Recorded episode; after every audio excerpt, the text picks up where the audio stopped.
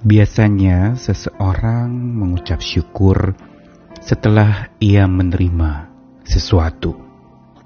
Sesuatu yang diberikan kepadanya lalu dia syukuri itu adalah hal yang sangat biasa, lazim dilakukan. Namun pertanyaannya setelah bersyukur untuk apa yang kita terima atau sesuatu atau pengalaman yang diberikan kepada kita, apa lanjutannya? Apakah cukup bersyukur atas apa yang diberikan saja, atau ada hal lain yang sepatutnya dan seharusnya kita juga syukuri? Kita sering kali lupa untuk satu hal, yaitu bersyukur bukan semata untuk apa yang kita terima atau yang diberikan kepada kita, tetapi bersyukur pula untuk kemampuan bisa menikmati apa yang diberikan kepada kita. Saya Nicholas Kurniawan menemani di dalam Sabda Tuhan hari ini dari Kitab Pengkhotbah, kitab yang syarat dengan kata sia-sia yang tampaknya kedengaran pesimis menghadapi kehidupan. Dari dua ayat pengkhotbah pasal 3 ayat yang ke-13 dan pasal 5 ayat yang ke-18. Dan bahwa setiap orang dapat makan, minum, dan menikmati kesenangan dalam segala jerih payahnya, itu juga adalah pemberian Allah. Lalu pasal 5 ayat 18, setiap orang yang dikaruniai Allah kekayaan dan harta benda dan kuasa untuk menikmatinya, untuk menerima bagiannya, dan untuk bersuka cita dalam jerih payahnya, juga itu pun karunia Allah. Ada satu tema di dalam kitab pengkhotbah yang syarat dengan nada pesimis seperti orang yang sia-sia menghadapi hidup dan menganggap hidup itu adalah sebuah kesia-siaan, yaitu Penulis pengkhotbah di usia yang menurut para penasir menuliskan tulisan-tulisannya di masa tuanya. Sesungguhnya mau mengajarkan kepada setiap kita tentang tema-tema yang menarik mengenai kehidupan. Salah satunya adalah karunia untuk menikmati. The gift of enjoyment. Karunia untuk menikmati adalah sesuatu yang jarang orang syukuri.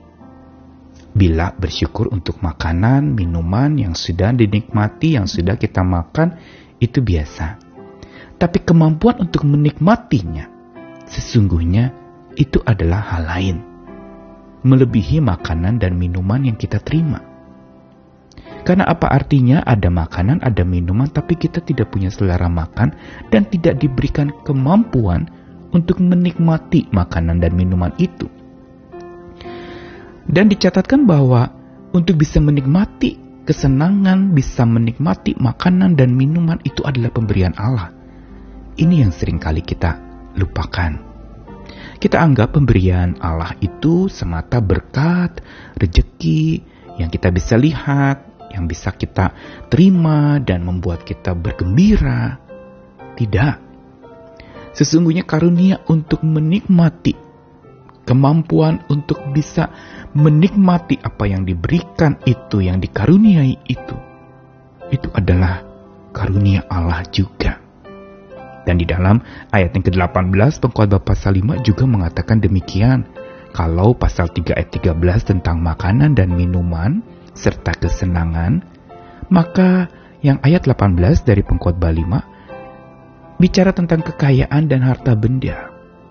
Setiap orang yang dikaruniai kekayaan dan harta benda oleh Allah, begitu juga kuasa untuk menikmatinya oleh Allah, untuk menerima bagiannya dan bersuka cita dalam jerih payahnya, itu adalah karunia Allah yang patut dan seharusnya lebih disyukuri dari sekedar kekayaan dan harta benda. Bukankah ada orang yang mendapatkan kekayaan harta benda, tetapi dia tidak dapat menikmatinya? Dia tidak diberikan wewenang oleh Tuhan, tidak diberikan kemampuan oleh Tuhan, tidak diberikan kuasa oleh Tuhan untuk menikmatinya.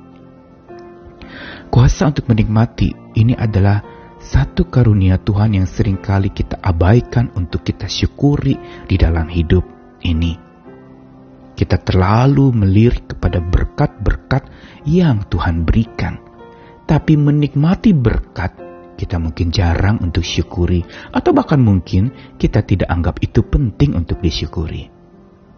Karenanya lewat dua ayat dalam kitab pengkhotbah ini, Tuhan ingin ajarkan kepada kita untuk melihat bahwa kemampuan menikmati atau kuasa untuk menikmati itu adalah pemberian, anugerah, karunia dari Allah.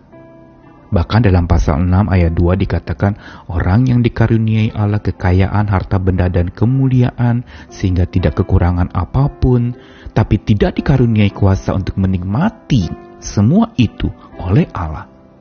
Tapi orang lain yang menikmatinya maka itu adalah sebuah kesia-siaan dan penderitaan yang pahit.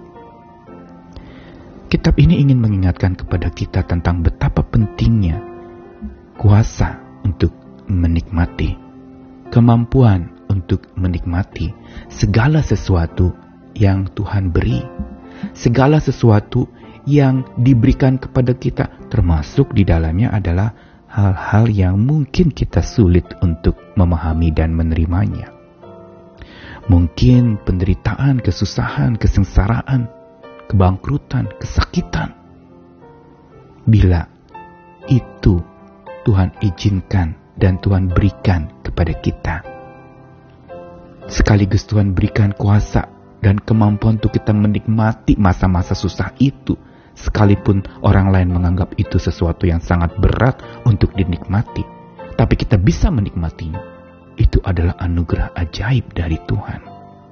Sehingga kita tidak larut di dalam kesedihan atau kegagalan atau duka cita atau perkabungan yang berkepanjangan. Karena kita menikmati apa yang Tuhan berikan sekaligus bersyukur untuk itu. Mari kita belajar untuk bersyukur atas kemampuan, atas kuasa, menikmati segala yang diizinkan Tuhan terjadi, segala yang diberikan oleh Tuhan, dan segala yang kita alami dalam hidup.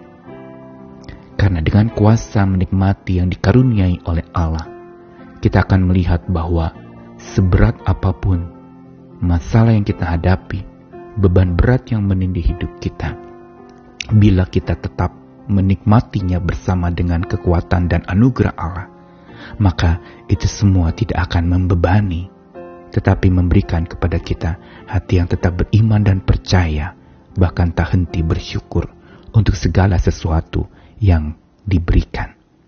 Selamat bersyukur bukan saja untuk segala berkat, tapi bersyukur untuk kuasa menikmati berkat. Selamat bersyukur tanpa henti bersyukur, terus-menerus bersyukur, karena Tuhan senantiasa ada bersama dengan kita dan mari kita menikmati persekutuan dengan Tuhan. Amin.